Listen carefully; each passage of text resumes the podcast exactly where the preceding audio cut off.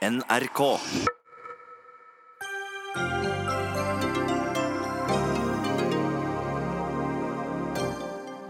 Det er spenning i lufta, tvitrer Trump fra Singapore. En hel verden følger med på det historiske toppmøtet som holdes i natt.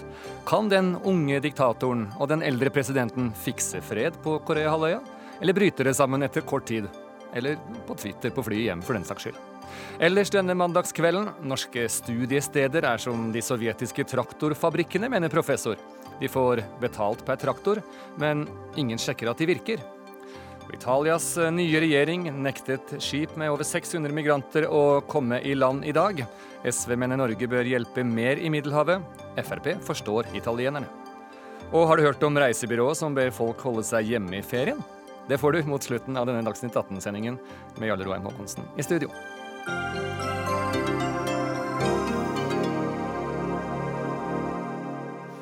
Velkommen til Dagsnytt 18 denne mandags ettermiddagskvelden, enten du ser på eh, NRK2 eller hører på P2. Vi starter selvsagt med det som skal skje i Singapore i natt. De siste meldingene fra der er altså at eh, Donald Trump har bestemt seg for å reise hjem tidligere enn planlagt.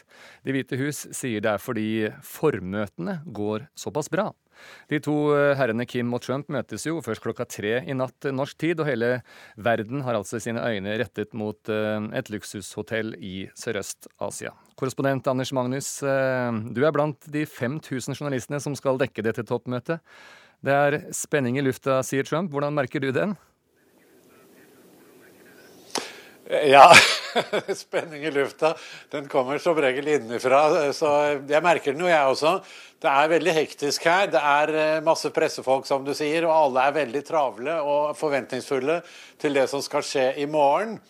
Og Nå virker det jo som om det går bra. Det var en pressekonferanse med eh, USAs utenriksminister Mike Pompeo eh, i formiddag og hvor han sa at uh, ting for så vidt går bra. Han prøvde å tone litt ned forventningene, slik at uh, det virker som om de satser på at det blir et håndtrykk, det blir et uh, møte mellom to ledere, og så skal det utvikles videre derfra. Og det kan jo bli vanskelig. Vi vet jo at både Kim Jong-un eh, kan være eh, vanskelig å tolke, og at de kan gjøre ting som de har lovet, men eh, snu på det. og Sånn er jo Trump også. Det så vi jo sist under G7-møtet. Så selv om det blir god stemning og en begynnende avtalevirksomhet, så vet vi jo ikke om dette kommer til å fortsette. Vi skal analysere dette med, med dette i øyet utover denne Dagsnytt 18-sendingen, eh, Anders. Men først til det siste litt mer. Hva er grunnen til at uh, Trump også ønsker å overraske? Han gjorde det samme på G7-toppmøtet i Canada. Dro, dro, hjem tidligere. Nå sier han han vil dra hjem 15 timer tidligere enn planlagt. Er det et uh, forsøk på å holde folk på tå hev, overraske stadig? Det er vel eh, eh, Trumps ønske om aldri å være så lenge borte fra senga si eh, i, som han er vant med å, å sove i. Så han, eh, han, har nok en del personlige ønsker også, men eh, det er nok slik at eh, de regner med at man ikke kommer f.eks. helt til en fredsavtale hvis det skulle blitt undertegnet en fredsavtale med, eh, som gjorde slutt på krigen eh, mellom nord og sør, som jo formelt ikke er slutt etter våpenstillstandsavtalen i 1953, så måtte jo både Sør-Korea og Kina også deltatt her. Eh, da måtte de kommet inn dagen etterpå, og Trump måtte vært her videre. Da regner de vel sannsynligvis med at det ikke kommer til å skje. Nå skal Trump i stedet besøke to amerikanske militærbaser, en på Guam og en eh, i Hawaii, på vei hjem. Og så regner han med å være tilbake i eh, Det hvite hus på, allerede på onsdag morgen. Men det er nok først og fremst fordi han mener at OK, dette kan vi gjøre kjapt unna. Han liker det. Han liker kjappe dealer, så å si. Kjappe avtaler. Og så kan han vise verden at han er en effektiv forhandler, hvis det altså går bra på møtet som begynner i morgen klokka 03 norsk tid. Mm. Eh, bli med oss, eh, Anders. Jeg setter over til Geir Helgesen, som er direktør ved Nordisk institutt eh, for Asiastudier i København, som har forsket på dette i 35 år. Vi er vant til å høre deg, Helgesen, analysere sånne ting som dette. Og til det siste først, hvorfor, hvordan tolker du dette at det ikke blir noe todagersmøte slik det tidligere var snakket om, og at man vil få inn Moon fra Sør-Korea osv.? Altså, jeg mener at eh, når det blir et møte, eh, det er i hvert fall ikke avlyst enda, og de er begge to i Singapore nå, så, så, har vi kommet veldig langt i forhold til tidligere. Og Bare det at møtet blir til noe, og ikke blir avbrutt etter kort tid Han sier jo Trump at han analyserer folk i løpet av et minutt, og det er mavefornemmelser, og de tar aldri feil. Så hvis han ikke gidder å snakke med Kim, så vil han reise seg og gå. Men hvis møtet blir holdt, eh, og, og det blir håndtrykk og smil, så er det eh, faktisk eh, et langt skritt på vei til eh, at en form for kjøreplan blir lagt for løsning av denne kjempestore konflikten.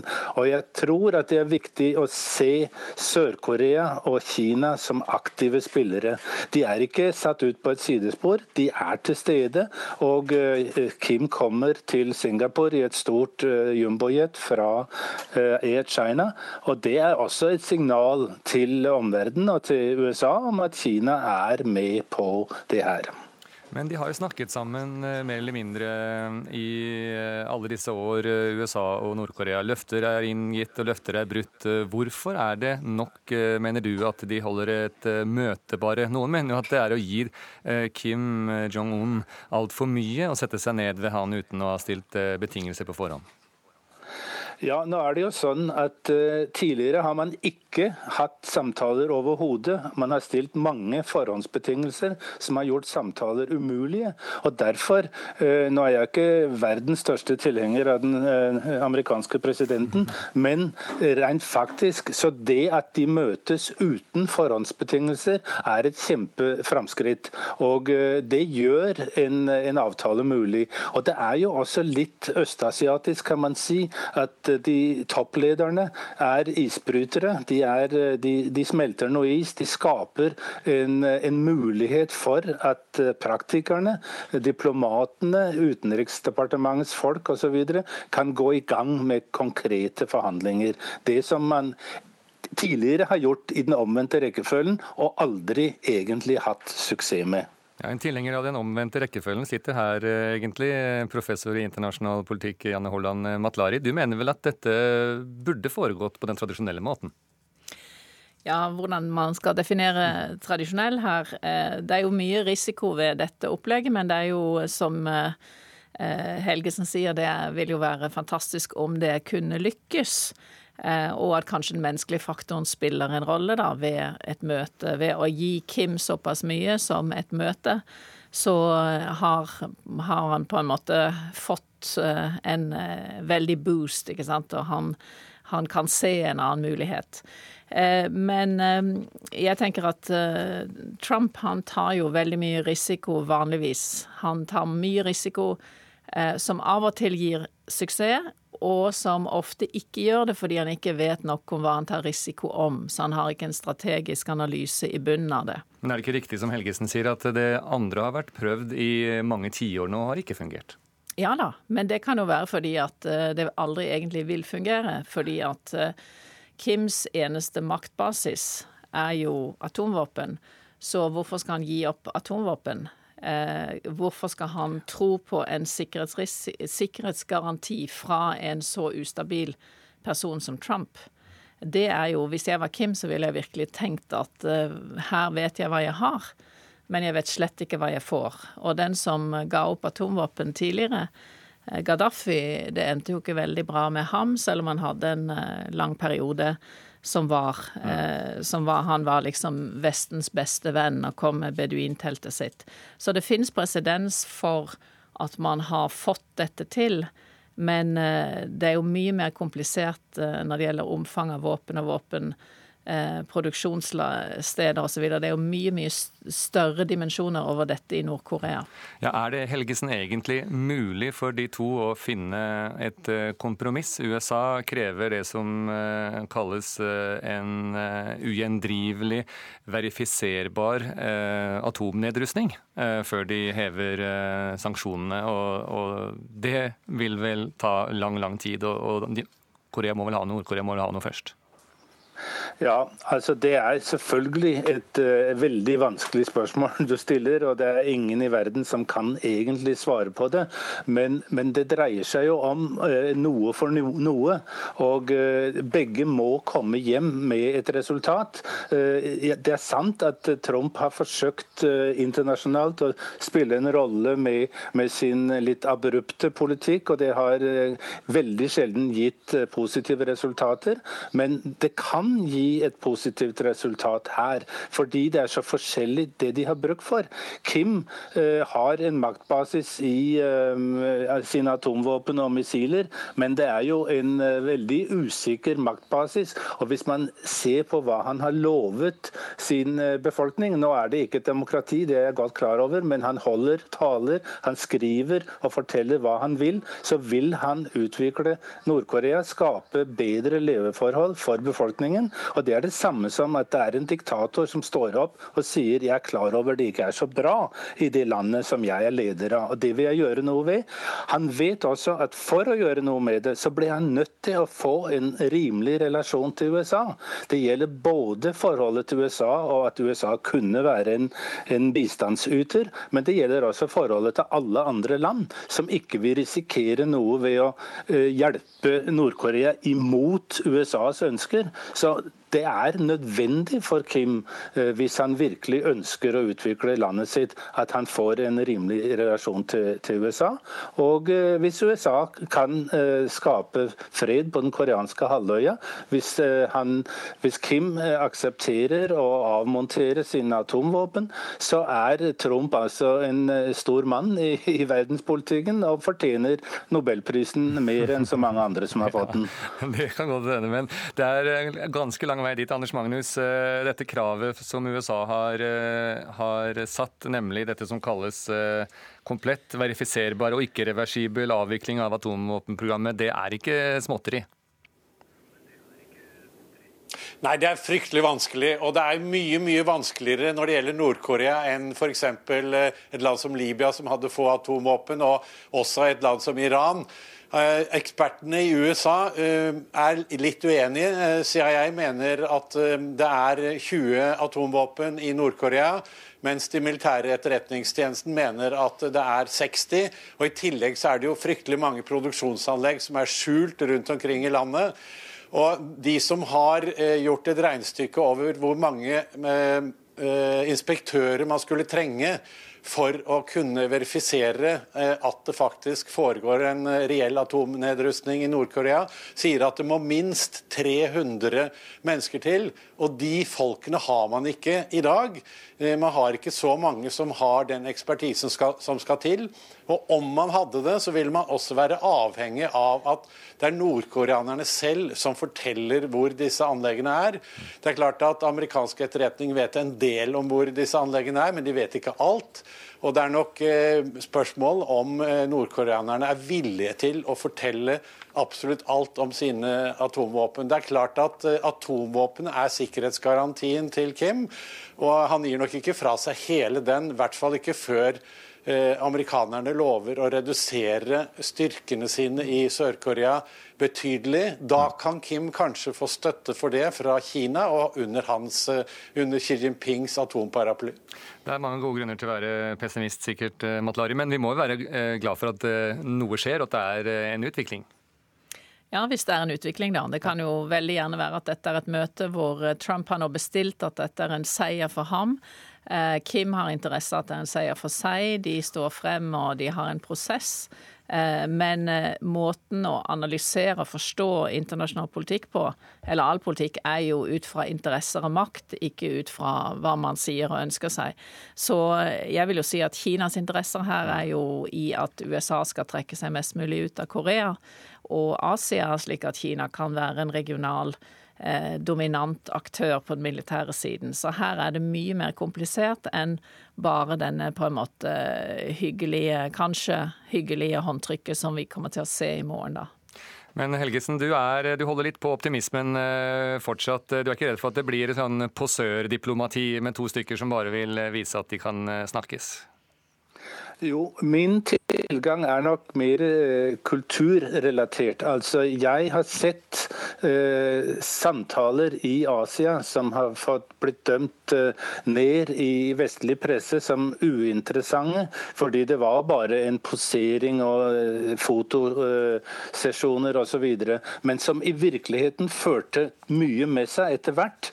Og det er det jeg ønsker og håper skjer nå, hvis møtet blir gjennomført eh, i rimelig positiv ånd, det er at nå kan jobben begynne. Og jeg er helt klar over at det er veldig komplisert. Og det er mange aktører. Eh, Japan er ikke nevnt i utsendelsen her, eh, Russland heller ikke. Begge ønsker å ha en rolle i det spillet her, men først og fremst er det nok Kina og USA. Og så vidt vi vet er Kina sterk tilhenger sammen sammen med Sør-Korea av at man forsøker det eh, som nå ligger på tegnebrettet. Mm. Det blir altså snakket her om posørdiplomati. Fra før har vi kanonbåtdiplomati. Derfor forstår vi kanskje bedre med posørdiplomati da. Eh, vi kan kanskje nærme oss også hamburgerdiplomati, Anders Magnus. Eh, de sies at begge to er glad i fastfood. Kim har jo åpnet hamburgerrestauranter, og vi vet at Trump er glad i burger. Er det det som står på menyen i morgen? Jeg tror at uh, Trump gjerne vil se en hamburgerrestaurant i eh, Nord-Korea, og at eh, f.eks. McDonald's-kjeden får innpass. Det har han jo snakket om, at det ville være bra for Nord-Korea. Eh, det vil være et symbolsk trekk. og det er klart at Amerikanske næringsinteresser står nok klare til å rykke inn i Nord-Korea hvis det er mulig, og hvis de får garantier for å kunne ta ut eh, profitt også fra det landet. Men jeg tror nok at dette kan bli ganske vanskelig, fordi Eh, Nord-Korea vil ikke la sine borgere forstå at her trengs det stor økonomisk hjelp fra amerikanerne, og at de blir på en måte dominert også økonomisk, kulturelt av amerikanske bedrifter. Så jeg tror ikke uh, støtten kommer til å komme i den form. Det nordkoreanerne ønsker seg først og fremst, er rett og slett rene pengeoverføringer, slik at de kan bruke det til å kjøpe varer, helst fra Kina, som er deres uh, nærmeste handelspartner, som de har nesten 90 av handelen sin med. Så jeg tror nok at amerikanske investeringer og amerikansk handel med Nord-Korea kommer til å være veldig langt fram i tid. Mm. Ja, Janne Holland Matlari, til slutt. Eh, I denne runden snakket om burgere. Amerikanerne kaller det for en nothing burger, hvis eh, det er et resultatløst møte. Det er der du eh, fortsatt er? Nei, altså jeg bare sier at den viktigste faktoren for Kim er jo å, å overleve, regimeoverlevelse. Og hvordan kan han vite at han vil overleve hvis han gir opp sin, sin eneste reelle maktbasis? Eh, fordi at eh, det er jo det er jo derfor land skaffer seg atomvåpen. Det er jo for å ha den den type våpen som gjør at man må frykte dem. Så jeg tror dette vil være Jeg kan ikke se for meg en sikkerhetsgaranti for at han overlever eh, som han kan stole på. Mm. Dessverre så må jeg være så pessimistisk. Til slutt, Helgesen, er du enig i det? Han har vel eh, også hardliner i eget eh, land som han må ta hensyn til, eh, Kim Jong-un? Det har han helt sikkert, og det må han gjøre. Men jeg syns altså det er viktig å si at når eh, Kina er så dominerende i Nord-Korea, som vi hørte akkurat før, med 90 av eh, handelen, så er det faktisk i Nord-Koreas klare interesse å balansere det med andre aktører. Og de ønsker klart også å handle med Sør-Korea, eh, USA, Europa osv. for å komme litt vekk fra den store avhengigheten av Kina som de har. Det er ikke ønskverdig sett fra Pyongyangs side. Takk til eh, Helgesen med oss fra København. Takk også til Janne Haaland Matlari her i studio. Vi holder oss til eh, temaet. Nå skal vi snakke om de to herrene, de to personene. Det er altså et diplomati som er personreltet, og nå skal vi få inn folk som kan mye om Trump og Kim. La oss bare først få høre på litt om denne magefølelsen til Trump. I think within the first minute, I'll know. How? I just my touch, my feel. That's what that's what I do. I feel that Kim Jong Un wants to do something great for his people, and he has that opportunity, and he won't have that opportunity again. And if I think it won't happen, I'm not going to waste my time. I don't want to waste his time. Dette sa Trump eh, i Canada før han eh, forlot eh, en haug med allierte i stuss på G7-toppmøtet. Nå er altså en Nokså uerfaren president på utenrikspolitikk iallfall, og en uerfaren diktator møtes. Eh, og eh, hvordan vil de da finne ut av det sammen? Har de andre ting til felles enn at de liker eh, fast food? Vi har fått besøk her i studio av Sunheidi Sebø, som er journalist i Dagbladet og forfatter skrevet om Kim Jong-un. Ja, Hvordan tror du han har det nå i timene før toppmøtet?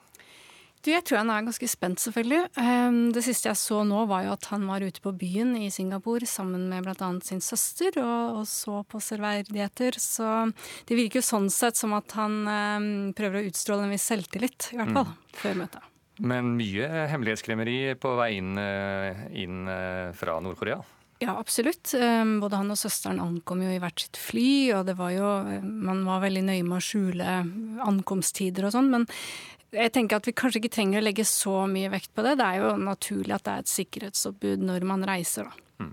Men eh, vi snakker her om at eh, noen mener det har eh, vært en stor innrømmelse eh, USA gir nå til eh, denne diktatoren, unge diktatoren. Eh, og det er vel Kim sikkert enig i? Han er glad for dette uansett?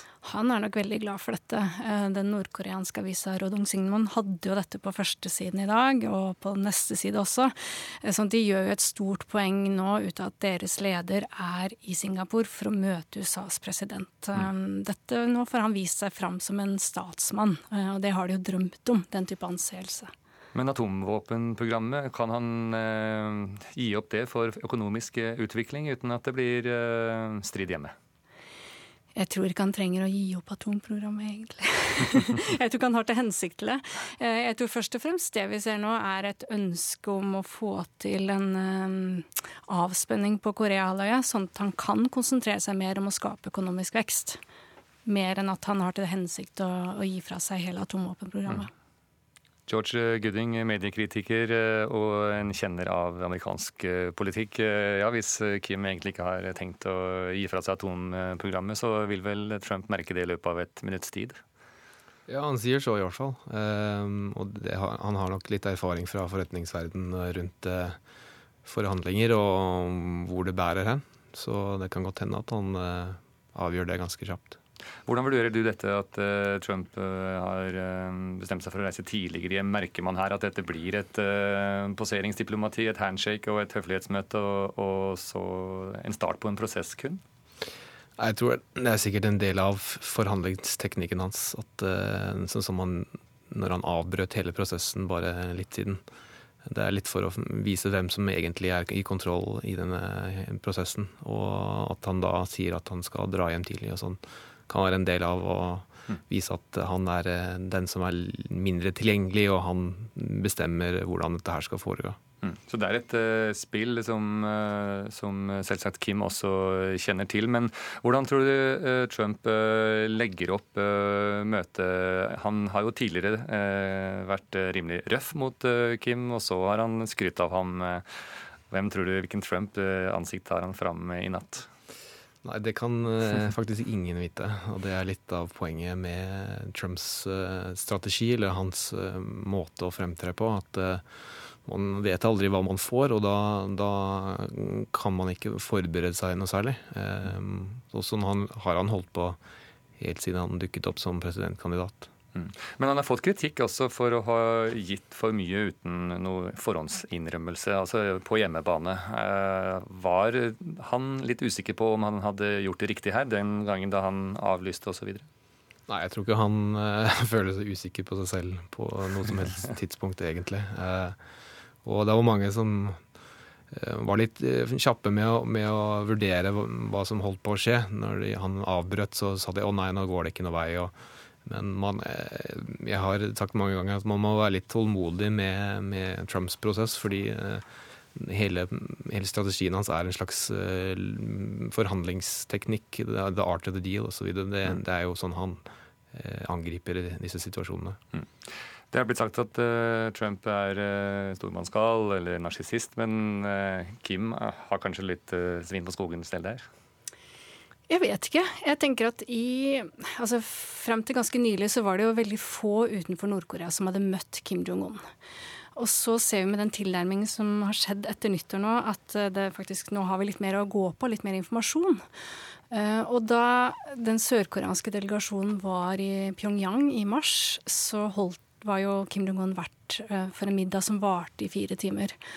Og det de fortalte, var jo om en som var god til å konversere, en som var god til å få samtalen til å gå, og som også viste seg løs og ledig og kunne spøke litt med seg selv. Mm. Og det var det samme da han møtte Mujahin i Panmunjom 27.4. april. litt det samme hvor han ja, prøvde å løse opp stemningen med sånn tilløp til små spøker og sånn. Mens på den annen side, da han var i Kina og møtte Xi Jinping for første gang, så var han veldig tydelig på å vise respekt for Xi Jinping. Tydelig i måten han ordla seg, språket. Og det ble jo veldig godt tatt imot i Kina, selvfølgelig. Og jeg tenker at det her forteller meg noe om en, at Kim Jong-un er ganske godt forberedt og god til å lese situasjoner. Um, så jeg tror ikke vi skal undervurdere han i, i møte med Trump. Men uh, vi hører uh, mange ting om hva som skal eh, forene de to. Eh, er, eh, vi var inne på det i stad her, er smaken for burger en fellestrekk, eller er det en myte dette her, at han er så glad i fastfood? Han har helt sikkert et usunt kosthold. Det, det, det mye som kan tyde på det. Og så har han jo Først og fremst er det kanskje et rykte som har oppstått også fordi at han har åpnet pizzarestauranter og burgerrestauranter i Pyongyang. Men jeg tror ikke vi skal legge så mye i det. Da under, da han møtte Moon Jae-in, så sto det en sveitsisk rett på menyen. Mm. Som en gest til Kim Jong-un. Da ønsket han seg sånn røstige poteter. og vi snakker jo om en mann som er utdannet i Vesten, som er utdannet uh, i uh, Sveits, og kan snakke og drive smalltalk med Trump på engelsk hvis han vil. Det kan han. han. Han snakker engelsk, og så lærte han seg noe tysk da han var i Sveits. Trump eh, er jo kjent som, som du sier, eh, Guding, eh, en god forhandler innenfor økonomi. Men hva Han har jo et utenriksdepartement som heller ikke er helt oppe å stå, og dette er jo kanskje ikke helt maks forberedt møte. Er det en fordel eller ulempe for Trump? Han, hele utenrikspolitikken hans også litt av hele establishementet der borte er jo litt sånn redde og, og usikre på hva som kommer til å skje. Fordi Trump forholder seg ikke til alle de reglene de har uh, operert med i mange mange tiår. Og han ga vel tydelige signaler uh, ganske tidlig at han ville egentlig ikke ha et utenriksdepartement. Det var litt sånn han frem, ja, fremtreden hans. da. Og det er mye som tyder på at det fortsatt er sånn gnisninger mellom de som sitter der og han. Og han vil helst gjøre ting på sin egen måte, mens Utenriksdepartementet har sine eh, faglige måter å gjøre ting på. Og der er det mange som er irritert over hvordan han eh, gjør ting på. Mm. Tror du han motiveres av, eh, av all snakk om fredspris? Det gjør han helt sikkert. Eh, han er jo først og fremst opptatt av seg selv. Eh, så det, han sikter seg helt sikkert inn på det, og kommer kanskje til å nevne det hvis ikke han har gjort det flere ganger allerede. Han har vel nevnt at det er mange som eh, snakker om meg som en mottaker mm. av Nobels fredspris, eh, men det får de andre gjøre, har han sagt hittil. Hva tror du eh, Kim Jong-un kunne han tenkt seg en tur til Oslo rådhus? Det tror jeg ikke han har tenkt så mye på. Jeg tror først og fremst han er ute etter å sikre egne interesser, og at han har en, en klar strategi nå for uh, hvorfor han ønsker denne tilnærmingen, og hvordan han selv skal uh, hva skal vi si, føre politikken og sikre vid, uh, regimets videre eksistens. Mm. Takk skal dere ha. Anders Magnus er fortsatt med oss. Jeg avslutter eh, med deg, Anders. Det er eh, altså en stor spenning hele verden rundt. Men tror du på at eh, dette er starten på en prosess som kan ende opp i en fredspris? Jeg tror i hvert fall det er muligheter for at det blir et vellykket møte i morgen. Og det er to grunner til det. Det ene er jo at Eh, dette møtet allerede er annonsert i medier i Nord-Korea. Vanligvis så får ikke nordkoreanerne vite om ting før etter at det har skjedd, slik at myndighetene der kan sensurere bort ubehagelige ting. Hvis, eh, nå har de altså sagt ifra på forhånd, og da er de også avhengig av at det blir vellykket. Eh, hvis f.eks. Trump skulle gå ut fra møtet, så ville det være et stort prestisjenederlag for Kim. Så det tror jeg ikke de eh, regner med, og de vil gjøre alt de kan for at det ikke skal skje. På samme måte så tror jeg også at Trump, ved å signalisere at dette blir et kort møte, og dette har vi fått til, også ønsker at det skal bli vellykket. Så grunnen til at det kommer til å bli vellykket, er at de to ønsker at det skal bli vellykket. Så er spørsmålet, og som mange i USA frykter, hva gir Trump bort? for at han skal få til et sånt vellykket møte. Og Mange frykter at det han kommer til å gi bort, er sikkerhetsgarantiene til Sør-Korea og eh, den militære dominansen i øst, eh, den østlige, eller i den delen av Stillehavet, i, i den eh, fjerne Østen, slik USA har hatt til nå at det kan bli starten på at amerikanerne trekker seg ut av området, og at Kina overtar det militære hegemoniet i dette området. Det har han allerede fått sterk kritikk, eller sterke advarsler om fra både demokrater og også republikanere i hjemlandet. Tusen takk, eh, Anders Magnus. Følger med på, eh, på Sør-diplomatiet utover natta her eh, norsk tid. De som vil følge med, kan følge med på NRK, hvor vi sender det som er å sende også i natt klokken tre når det skjer. Takk til Sun Heidi Sæbø og til eh, George Gooding her i studio. Dagsnytt 18 alle hverdager klokka 18.00 på NRK P2 og NRK2.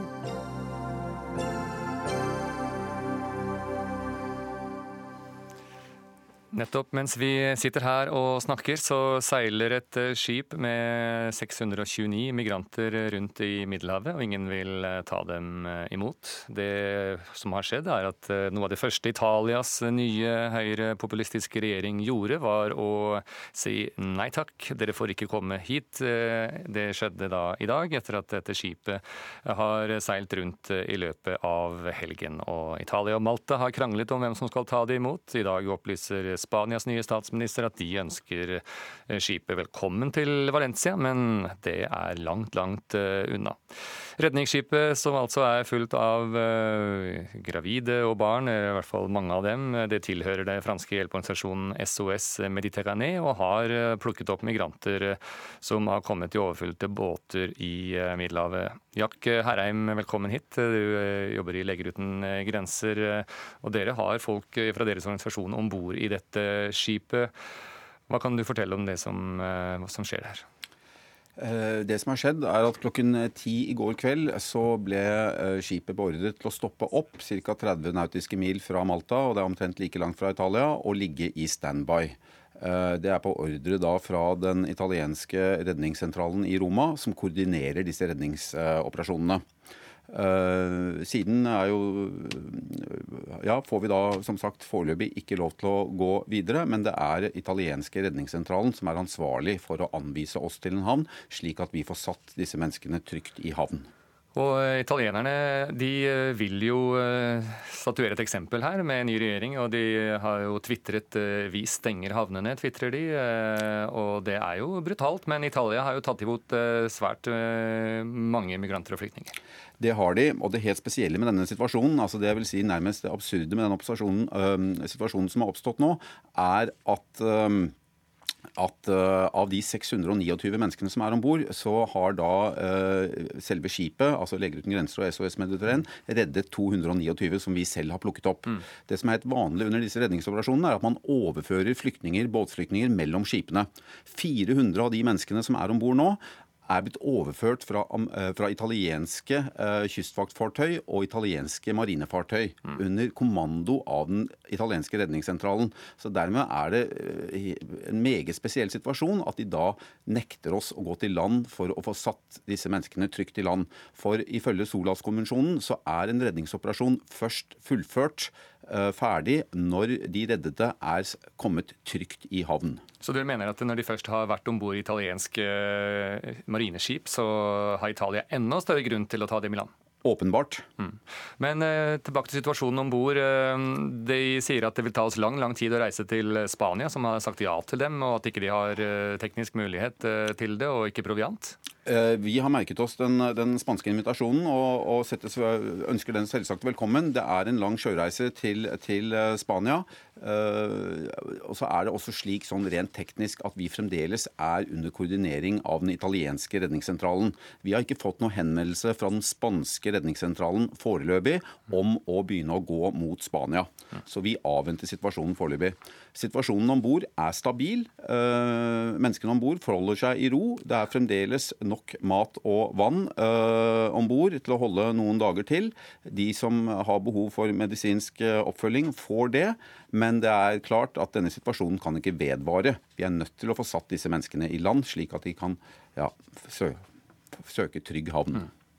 Takk for den statusrapporten, eh, Jack Harheim i Leger uten grenser. Vi skal diskutere dette nå, og vi har eh, med oss eh, SV og Frp på dette området på hver sin side her. Petter Eide først i Sosialistisk Venstreparti. Hvordan reagerer du på at denne båten har blitt en italiensk, maltesisk og spansk kasteball i ettermiddag?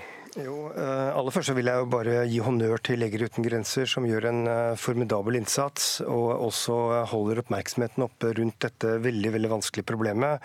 Og vi skal også huske på at Norge hadde båter i Middelhavet inntil eh, et år siden, eller et halvt år siden, og de norske båtene reddet mer enn 30 000 båtflyktninger i løpet av et par år. Akkurat nå er det en veldig tragisk situasjon som pågår. Det er denne båten, men det er fortsatt mange båtflyktninger som kommer til som kommer til Europa. Dette er i all hovedsak folk som flykter fra krig, fra klimakrise, eh, fra forfølgelse. Det er ikke så mange som det var eh, sommeren 2015, men det er fortsatt mange som kommer. og de, Dette er desperate mennesker, og jeg tror vi skal være vi skal fortsatt eh, ha Hjertene våre skal banke, og vi skal fortsatt forsøke å finne måter å behandle disse på en ordentlig måte. Så er det et spill i Europa, og det er det som er utgangspunktet for dagens debatt. Det er helt åpenbart at den italienske regjeringen nå ønsker å markere veldig tydelig eh, hvor de vil sette standarden, og det er en brutal standard de setter.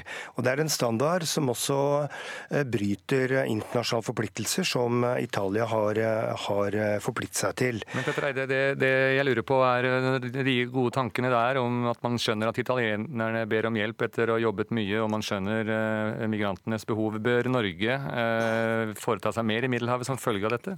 Vi har hele tiden ment at Norge skulle opprettholde, opprettholde de norske båtene i Middelhavet, nettopp for å kunne stille oss mer solidarisk og komme med et bedre ytterligere bidrag til, til båtflyktningkrisen i, i, Middelhavet. Så når Norge ved budsjettet i år, eh, eller regjeringen budsjettet i år valgte å legge ned de norske båtene, så var jeg eh, uenig i det, og diskuterte også det her på Dagsnytt 18. Situasjonen nå bør også påkalle norske myndigheters oppmerksomhet. Eh, Italia bryter her internasjonale konvensjoner ved å nekte de flyktningene å komme i land i Italia og få, og få prøvd sine asylsøknader. Det bør Italia få høre av norske myndigheter ser at det er en situasjon som er helt uakseptabelt. Jon Helgheim eh, i Fremskrittspartiet, velkommen hit. Eh, vil Norge, Er du enig i at man bør protestere overfor italienernes behandling av eh, disse migrantene? Nei, overhodet ikke. Det er fullt forståelig at uh, stadig flere land skjønner alvoret i hva som skjer, og uh, begynner å sette på bremsene på fullt. Det er kanskje for sent, men, uh, men det er forventa, og det er på tide. Det er eh, ikke en holdbar situasjon at vi skal holde på i år etter år, tiår etter tiår, med en eh, politikk sånn som man har i dag, hvor eh, sånne som SV tar til orde for egentlig bare å frakte flest mulig over Middelhavet, sånn at de kommer til Europa. Man må redde mennesker i nød i Middelhavet. Det må man gjerne gjøre.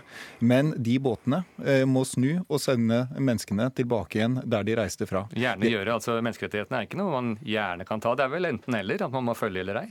Det har ikke noe med menneskerettigheter å gjøre. Dette har, eh, har med å redde mennesker som er i nød i, på havet. Og det er ikke en menneskerett å komme til Europa, selv om du blir plukka opp eh, i skipsnød. Men å bli reddet opp, reddet opp, av havet er vel det? Eh, ja, selvfølgelig. og Derfor sier jeg man må redde opp menneskene fra havet, og så må de eh, transporteres tilbake igjen der de reiste fra.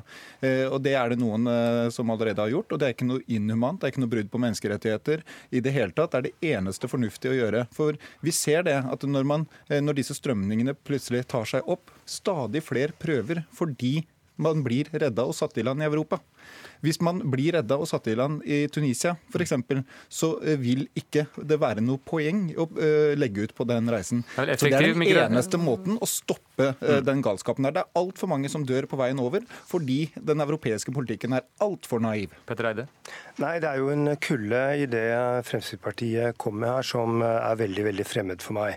I utgangspunktet så er dette mennesker som har det vondt. De, har, de rømmer fra krig, veldig alvorlig krig. Mange kommer fra Syria de fleste er økonomiske flyktninger. Eh, da er de eh, lut fattige. Jeg vet ikke om du har vært på bygda i, eh, i Nigeria og sett hvordan mennesker lever, eller har vært i noen områder i Libya Men Petter Eide, du kan ikke mene at alle som er lut fattige i Afrika skal komme til Europa? Nei, det kommer mener, ikke til å være en holdbar situasjon. Det mener jeg. Uh, Jon Helga, du må la meg få snakke ferdig. Ja. Uh, uh, alle har rett til å søke asyl i et annet land hvis du har grunnlag, og du har rett til å få prøvd den søknaden, og du har rett til å få asyl hvis du har behov for det.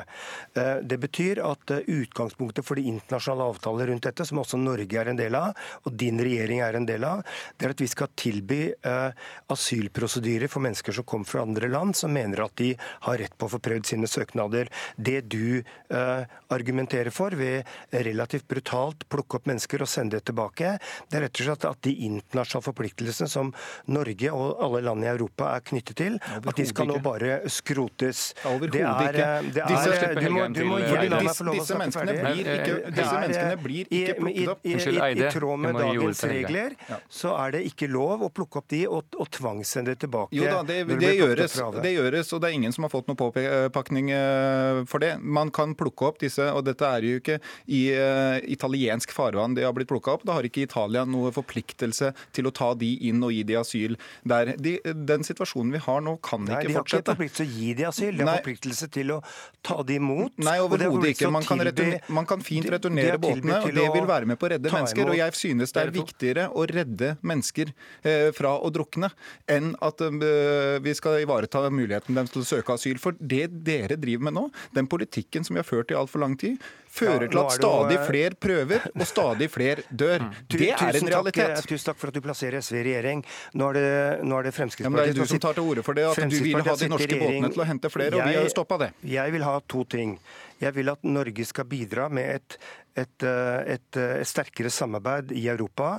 Situasjonen som Italia og Hellas er i, er helt uholdbar for Italia og Hellas. Og Norges oppgave som et av flere europeiske land er å, er å bidra solidarisk, både med ressurser, men også med, med, med politiske løsninger. Så du mener, at, du mener, at, det er en holdbar eh, situasjon men, at alle de som ønsker å ta turen over Middelhavet, skal Jon Helge, få lov til det? Skal vi føre en debatt om dette, så må du la meg få snakke setningen ferdig. Så skal Norge også passe på at ikke vi legger ytterligere press på landene i Italia ved å sende eh, asylsøkere og flyktninger som har kommet til Norge, eh, tvangsreturnere de til Italia og Hellas. Så Norge har flere oppgaver her. Vi skal både sikre at disse landene ivaretar sine internasjonale forpliktelser. Så skal, vi bidra, vi skal, i sam... så skal vi bidra i et internasjonalt samarbeid, eh, sånn at landene i Europa på en bedre måte kan håndtere båtflyktningstrømmen. Til slutt, Helgeim, du har jo sans for italienerne sier her, men har du også sans for italienernes krav om at Europa må hjelpe mer til å ta flere av alle de titusener av flyktninger de har tatt imot, og, og ta flere hit nordover, som de allerede har kommet til Italia? Det viktigste er å stoppe tilstrømningen. og det tror jeg alle land må innse. Ja, jo, men det tror jeg er viktigst. Ja, men Også, Italienerne mener det er viktigst å få fordelt mange av de de allerede har. Er du interessert det, det i at Norge skal jeg, jeg forstår det ønsket. Men, men du tar ikke ja til å ta noen flere her? Nei, for hvis du ser antallet Norge har tatt imot per 1000 innbyggere vi er i Norge, så har vi tatt imot mange flere enn det alle land i Europa, bortsett fra Sverige. Så Norge har tatt et uh, bidrag som er langt mer Har vi tatt imot flere enn Italia? Vi har tatt imot per 1000 innbyggere i Norge har vi tatt imot nest flest i Europa. Det skal, sånn at, det skal vi regne på. Ja, det kan vi regne på. Det det finnes det tall på. Så det er en misforståelse at ikke vi har tatt vårt ansvar. Vi har tatt imot mye flere enn både Tyskland og Italia, hvis du ser i forhold til antall innbyggere i Norge. Vi er fornøyd med debatten så langt. Takk for at dere kom, begge to. Jon Helgheim og ikke minst til Petter Eide med oss fra Stortingsstudio. Vi skifter tema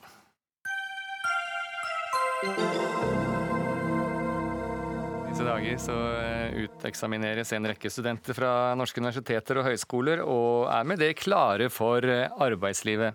Eller er de egentlig det? Kai Olsen, du er professor eh, ved Høgskolen i Molde og Universitetet i Bergen og Oslo OsloMet. I debattinnlegg i Dagens Næringsliv i dag så skriver du at norske studiesteder de er som sovjetiske traktorfabrikkene var. Fabrikkene fikk betalt per traktor, uten at myndighetene krevde at traktorene virket. Det må du forklare. Ja, Kristine eh, Meyer hadde en innlegg i Dagens Næringsliv der han etterlyste kvalitet i høyere utdanning. Og det jeg forsøker å si at Det er vanskelig å få til, fordi at vi er så godt betalt for å levere lav kvalitet.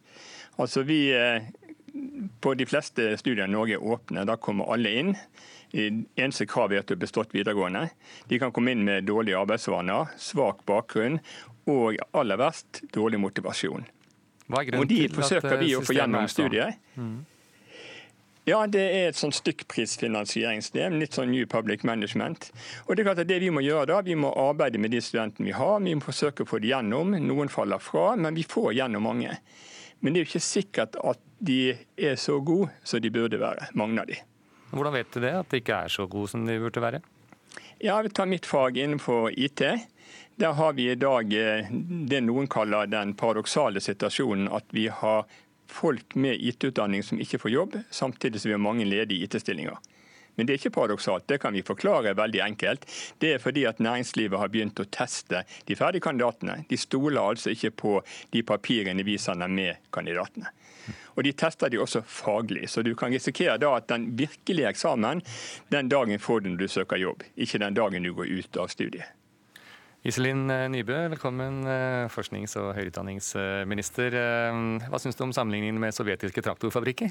Ja, jeg er ikke helt enig i den sammenligningen der, av, av flere grunner. Det som jeg syns er viktig å huske på, det er at eh, universitetene og høyskolene våre er ikke bare for eliten i dette landet.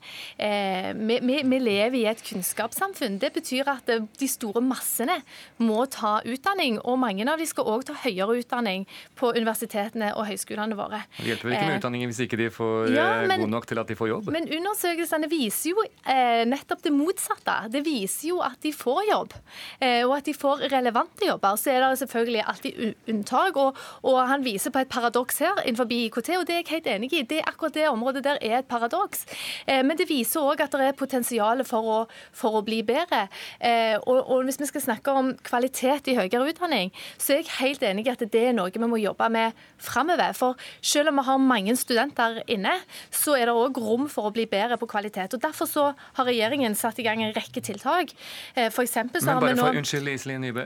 Bare dette med stykkprisfinansiering, som eh, professor Olsen mener det er det som er skylda? At man får betalt for hvor mange studenter som man får igjennom studiene, og ikke nødvendigvis for hvor gode karakterer de får. Det er vel enig at det er et paradoks? Ja, jeg mener at det er betydelig overdrevet, eh, den stykkprisfinansieringen som han viser til for våre universiteter og våre høyskoler får 70% av sine inntekter eh, fra staten får de som basisbevilgning. Det er bare 30% som er, er, altså som er sånn styrt ut fra hva de oppnår. Og Da er, da er studieproduksjon altså, Hvor mange de får gjennom? Ja, kandidat, altså hvor mange som blir kandidater. Internasjonalisering teller inn der, hvor mye du publiserer teller inn der. Og Hvis vi ser i en internasjonal sammenheng, så har våre universiteter og høyskoler en veldig høy basisbevilgning. Så jeg synes at det, det, det, er betydelig overdrevet. Men jeg er veldig opptatt av at vi må snakke om kvalitet. Vi må snakke ja, du skal få lov til det. Jeg skal bare høre med Olsen om eh, du ikke overdriver litt kraftig. Nei, altså det er klart at Vi har en basisbevilgning, men den er også avhengig av at vi klarer å opprettholde studenttallet. Hvis vi skulle nå sette strenge krav til studentene og si halvere studenttallet for å få bedre studenter, så ville jo eh, økonomien vår gå rett vest. Så Vi er jo avhengig av å få denne strømmen, ta opp disse studentene med dårlige arbeidsvaner, eh, late som vi underviser de, få de gjennom. Noen er flinke, men veldig mange da hagler gjennom studiet. Late som du underviser de? Hvordan, eh, hvordan går det? At dere, de later som de jobber, og dere later som dere underviser? Ja, altså det Problemet er jo selvfølgelig at jeg kan jo opprettholde veldig høye krav i mine fag. Eh, men det betyr at jeg sitter igjen med nesten ingen studenter, kanskje tre-fire av 30. Så altså må du si at vel, eh, vi har tatt opp disse studentene, bordet fanger, jeg må tilpasse min eh, eksamen og min sensur osv. til disse studentene. Men jeg er helt enig med Iselin Nybø. Det er mye vi kan gjøre. Jeg tror bl.a. at vi kan gjøre noe pedagogisk. Vi kan f.eks. tvinge studenten til å arbeide. Vi kan forlange at de møter opp på høyskolen klokken åtte mandags morgen og er der åtte timer hver dag, helt til fredag klokken fire før de får lov å gå igjen. Eh, det er noen skoler som har gjort det, og med gode resultat. Og vi bør også ha en kvalitetskontroll. Jeg har foreslått eh, at vi skal ha en sånn comprehensive eksamen som de har i USA. Dvs. Si f.eks. rett før du skal avlegge bachelor, så må du ta en eksamen som f.eks. viser om du kan la oss si det økonomi, Vet du hva rente er, vet du hva kapitalisering er osv. Det er en sånn bestått, ikke bestått. og Hadde vi hatt den, så kunne vi sammenlignet studiestedene. Da kunne vi sagt å ja, Molde er god, Bergen er mindre god. Mm. Inntaksprøver? Nei, Jeg er jo opptatt av at vi skal ha universiteter og høyskoler som, som, har som en av sine hovedoppgaver å levere gode kandidater til det arbeidsmarkedet som de sokner til. Og Det betyr at eh, de må kunne tilpasse studieprogrammene sine, og òg hva studier de tilbyr i den regionen de er. Sånn at eh, næringslivet og arbeidslivet der kan ha en god dialog med sine universiteter og høyskoler. Men jeg, jeg, jeg vil jo ta litt sånn avstand til det at man skal late som om man eh, lærer de noe. For det første så har regjeringen innført noe som kalles for kandidatindikatoren, som gjør at universitetene Høyskolene får betalt ikke bare for antall studiepoeng som blir avlagt, men at de får eh, studentene gjennom en grad. Og Det ser vi jo at òg er med på å øke gjennomføringen på høyere utdanning. Men vi, ja, men vi er òg opptatt av å snakke om gjennom. kvalitet, for det er klart at vi har et stort potensial for å bli bedre. Derfor så ønsker vi nå å se på hvordan vi kan få mer mentorordning. Altså at du får møte akademisk ansatte som student og får en dialog i mye større grad enn i dag. Derfor har vi oppretta en nasjonal arena for kvalitet som skal stimulere til de innovative initiativet De nye, de studentretta, nye typer undervisning, som òg setter fokus på kvalitet, på Senter for fremragende ja. utdanning. Men, det er mange på... ting vi kan gjøre som òg handler om kvalitet. Ja, Du må huske på at i dag er det ingen kvalitetskontroll. Når jeg blir ansatt på høyskolen, så er det en kvalitetskontroll. Oppfyller de kravene til å bli ansatt. Når jeg først er ansatt, så er det ingen kontroll før jeg går av med pensjon. Og det, Sånn er det for alle andre studiesteder. Du ansetter lærere. Ingen lærere blir avskiltet. Ingen professorer blir avskiltet. Du kan ha doktorgradsveiledning uten å drive egen forskning. Vi har et system uten kvalitetskrav. Og jeg er litt enig, altså Hvis vi har for strenge kvalitetskrav, kan det være med på å sementere undervisningen. Men det går an å ha noen kvalitetskrav. Det tror jeg vi, vi mangler. Takk til professor Olsen og eh, statsråd Iselin Nybø. Det var det vi rakk i denne runden. Hør Dagsnytt 18 når du vil. Radio NRK Radio.nrk.no.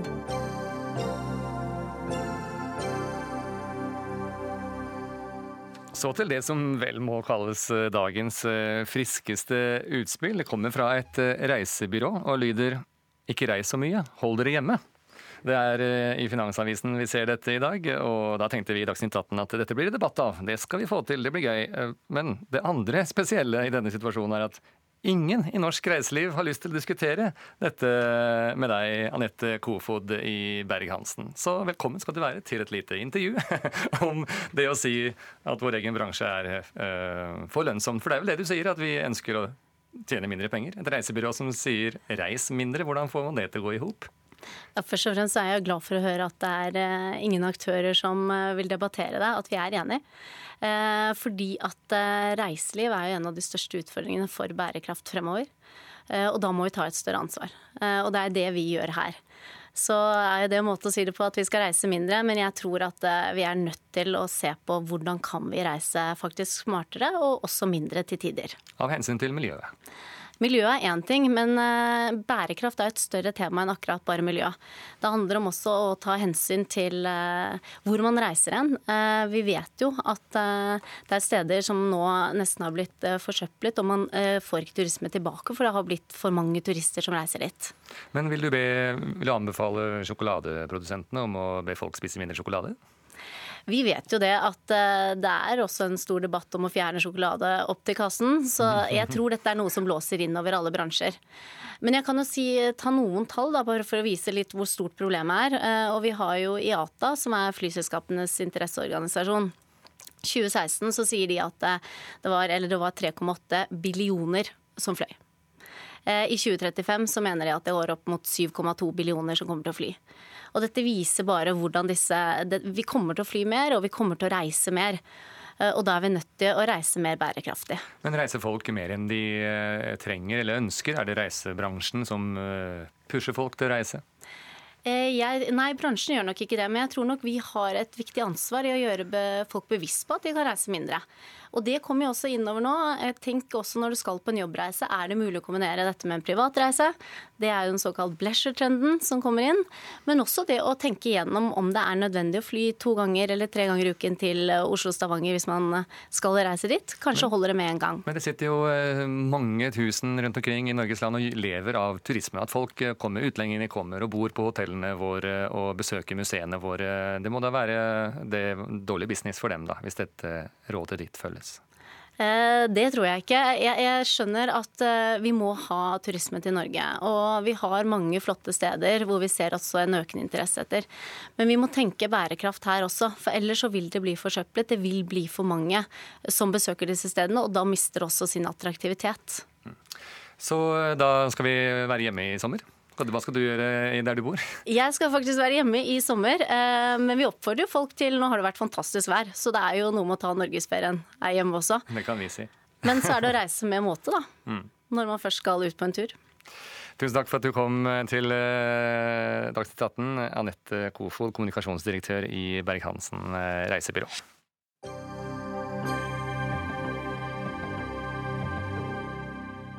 Om bare to dager så braker fotball-VM løs i Russland. Skal festen bli vellykket, så må president Putin sørge for å holde terroren unna og unngå supporterbråk. Putin ønsker eh, at han eh, kan vise et arrangement som er en motvekt til den negative oppmerksomheten som har vært om Russlands eh, mange utenlandsoperasjoner både i Ukraina og Syria. Og korrespondent Morten Jentoft i Moskva, hva har Putin gjort for å sikre at fotball-VM skal gå uten terror? Det er satt i gang eh, omfattende sikkerhetstiltak. Det så jeg da jeg var en liten tur ute i Moskva nå i eh, ettermiddag. Eh, av tiltak som kan nevnes, er at man nå er klar over at disse dronene, som jo enhver kan skaffe seg, utgjør en spesiell trussel. Man har innført spesielle dronefrie soner med strikt kontroll i alle de elleve arrangørbyene. I tillegg til det så følger man også veldig nøye med på en del av disse militante, hardbarkede fangruppene som også finnes her i Russland, som jo mange la merke til slo godt fra seg under Europamesterskapet i fotball i eh, Frankrike. Eh, her er eh, flere hundre av disse svartelistet og ble nektet adgang da, til kampene. Sånn at man sier at man har satt i gang omfattende tiltak. Både militære, politiet er mobilisert. Men vi vet jo at det kanskje aldri kan være nok da, til å stoppe den ensomme, enslige terroristen hvis han ønsker å slå til. Ja, hvem kan ha evne og vilje til å slå til mot Russland under fotball-VM, Morten? Ja, Det kan nok være mange, det. fordi at uh, Vi vet jo at uh, Russland er engasjert i uh, konflikter med radikale islamske grupper. nå først og fremst i Syria, tidligere også i Kaukasus-området. Når det gjelder Kaukasus, så mener russiske myndigheter i dag at de har relativt bra kontroll på det som er igjen av militante grupper der. Men vi vet jo at nærmere 10 000 borgere fra Russland og det tidligere Sovjetunionen har slåss bl.a. i den islamske staten verdens eh, eh, rekker i eh, Syria. Mange av disse er kommet tilbake igjen til Russland. Vi vet også at det bor veldig mange frustrerte, underbetalte personer fra bl.a. de muslimske republikkene i Sentral-Asia, her i Moskva og i russiske storbyer. Dette er et potensielt område for rekruttering av eh, mulige terrorister. Det så vi jo senest i St. Petersburg i fjor, da 16 mennesker ble drept i et angrep på metroen der. Men den vanlige russer, eh, får han komme på fotballkamp, eller hun? Eller eh, er bevegelsesfriheten innskrenket og det er for dyrt osv.? Altså Det er enorm interesse for fotball-VM her i Russland. Nesten alle billettene er jo utsolgt. Eh, og alle som jeg snakker med her, håper jo at dette skal bli en skikkelig fotballfest som prøver å framstille eh, Russland på en litt annen måte enn det som ofte skjer i eh, vestlige medier. Og det gjelder ikke bare den politiske ledelsen, det gjelder nok også den jevne russer. Sånn at alle håper selvfølgelig at dette skal bli den store idrettsfesten som mange regner med at det kan komme til å bli. Men likevel så ligger jo da denne faren for terror også her i Russland. Ikke minst fordi at arrangementene skal foregå i et stort geografisk område i elleve forskjellige byer. Noe som gjør det selvfølgelig til en utfordring å sikre eh, og sørge for at alt går riktig for seg, og at man klarer å stoppe eventuelle terrorister. Tusen takk til Morten Jentoft. Ansvarlig for Dagsnytt 18 i dag var Simon Skjelbostad Yseth. Teknisk ansvarlig Lisbeth Selreite. Og jeg heter Jarle Roheim Haakonsen.